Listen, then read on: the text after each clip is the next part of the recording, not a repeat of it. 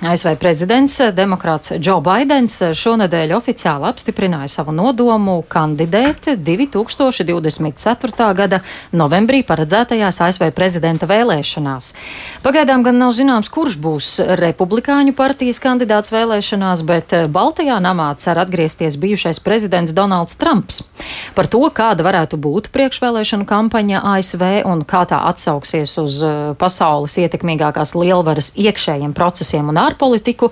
Par to vēlamies aprunāties šorīt ar ģeopolitikas pētījumu centra direktoru un Vidzemes augstskolas prorektoru Māri Anžānu, kurš mums ir pievienojies studijā. Labrīt! Labrīt! Nu, ASV prezidents Džo Baidens tātad ir gatavs cīnīties, lai paliktu uz otro pilnvaru termiņu. Kā jūs uzskatāt, vai Baidens patiešām vēlas turpināt vadīt uh, Amerikas Savienotās valstis, uh, iespējams, līdz pat 2029. gada janvārim, vai arī viņa kandidēšana varētu būt saistīta ar to, ka, nu, demokrātu partijai nav īsti ko citu likt priekšā? Jā, nu, paudžu nomaiņa demokrāta partijā ir aizkavējusies. Baidens, ja viņš nostrādās līdz otrā termiņa beigām, protams, ja viņi ievēlēs, būs 86 gadi. Domāju, izcils piemērs ikvienam senioram, cik ilgi var strādāt. Un arī nu, demokrāta partijas pārstāvi, nu, gan administrācijā, prezidenta, gan arī senātā, nu, ir, ir salīdzinoši veca gadagājuma. Ar to paudžu nomaiņa vēl nav notikusi, bet šobrīd Baidens izskatās pēc drošākās kandidatūras, kas var uzvarēt Trumpu nākamajās vēlēšanās. Protams, ja Trumps dabū nomināciju. Bet jūs nu, pats arī minējāt šo Baidena vecumu. Viņam šobrīd ir 80 gadu, jā, un, nu, un to vecumu arī piesauc kā iemeslu, kāpēc viņam varbūt labāk nevajadzētu kandidēt, vai kāpēc vēlētāji viņu varētu nelabprāt atbalstīt, vai, vai tam tiešām varētu būt nozīme šim vecumam, nu, tajā kādus rezultātus viņš varētu dabūt. Mm, jā, nu, tas ir lielākais faktors, kas izskan. 70% amerikāņu saskaņā ar aptaujām uzskata, ka Baidenam nevajadzētu kandidēt kandidēt, un pat 50% demokrātu tā uzskata, bet eh, tas vēl neko nenozīmē. Kas attiecas uz vecumu, tad eh, jā, nu, eh, prezidents Baidens bieži pārsakās, mēdz nesaprast jautājumus, paklūpu, un, un tas ir tas, ko arī nu, bieži kritiķi norāda, ka nu, varbūt viņam būtu jādodas ļoti pelnītā pensijā, bet nu, tāds lēmums ir pieņemts, viņš kandidēs. Protams, vecums var būt šķērslis kampaņošanā. Amerikā tā ir ārkārtīgi aktīva. Nevar nesalīdzināt ar Latviju. Daudz uh, lielu mītīņu, uh, daudz runu, tikšanās ar vēlētājiem. Un iepriekšējās vēlēšanās Baidenu nedaudz paglāba pandēmija, jo nu, liela, liela sanākšanas bija liekts.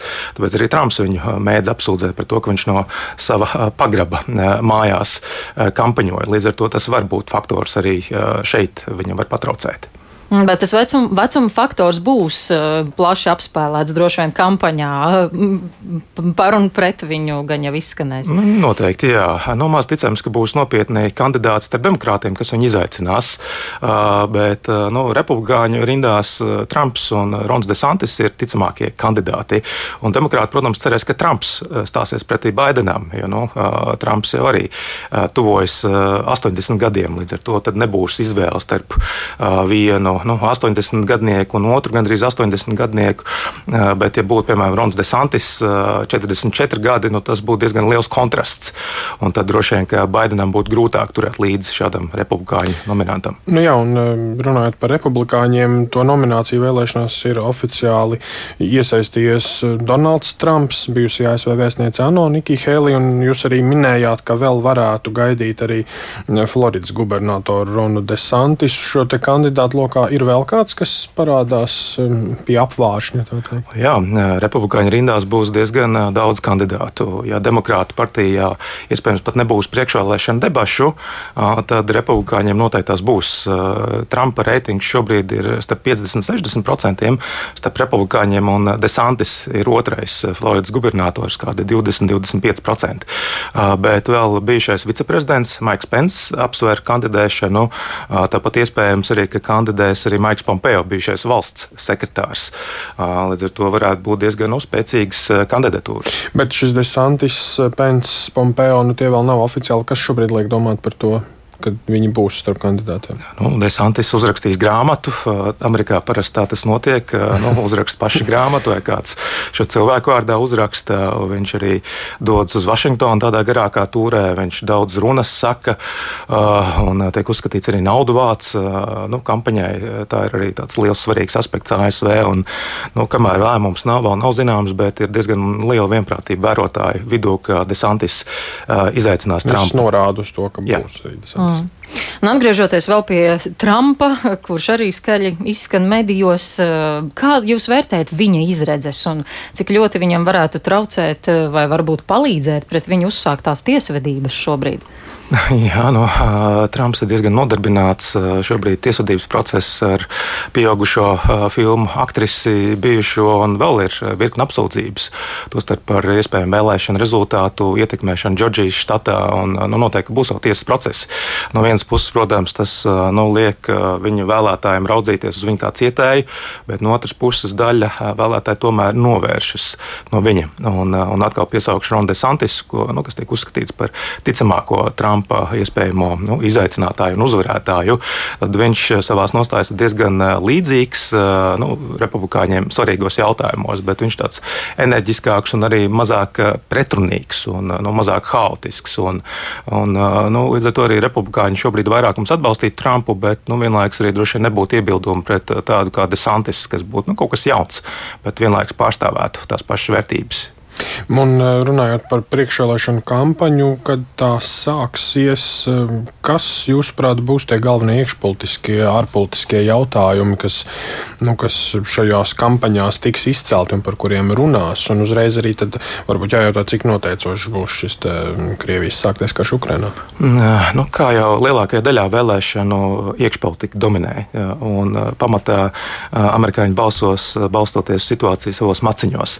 Tad to ekonomika būs tas, kas noteiks no vēlētāja izvēles. Un ASV ekonomika salīdzinoši labi atgūsies no pandēmijas, bet šobrīd izaugsme bremzējas. Tad to ekonomika būs būtiskākais faktors. Tāpat arī ļoti daudz kontroversālu jautājumu. Tiesības uz abortiem, ieroču nesēšanas atļaujas un, un vēl daudz citi jautājumi. Demokrāta partija arī pārstāv tādu maksimālāku valsti, tātad lielāks regulējums, lielāki nodokļi, republikāņi aizstāv tādu nu, minimālāku valsti. Mazāk nodokļi, valsts mazāk iejotas, bet arī dod uh, mazāk pretī. Bet mm. šis Krievijas karš Ukrainā, tas ir nu, ārpolitikas jautājums. Tam būs nozīme? Tam būs sekundāra nozīme. Tam būs, bet uh, viennozīmīgi tas nestāvēs līdz iekšpolitiskiem jautājumiem. Mēs vēl, protams, nezinām, uh, nu, cik tālu šis karš būs aizvirzījies uh, 24. gadā, bet es pieņemu, ka Ķīna, Taivāna tie pat varētu būt lielāki jautājumi nekā karš Ukrainā.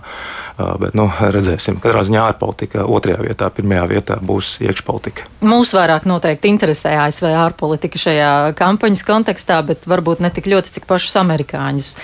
Um, ja mēs vēl atgriežamies pie Krievijas uzsāktā kara Ukrainā un, un ja mēs pamodelējam dažādus scenārijus, ja ASV prezidenta vēlēšanās uzvarētu Baidens, eh, demokrāts, tad nu, droši varam prognozēt, ka Amerika turpinās iesākto kursu atbalstā Ukrainai, bet eh, kas varētu mainīties, ja nākamais ASV prezidents būtu republikānis un ja Trumps?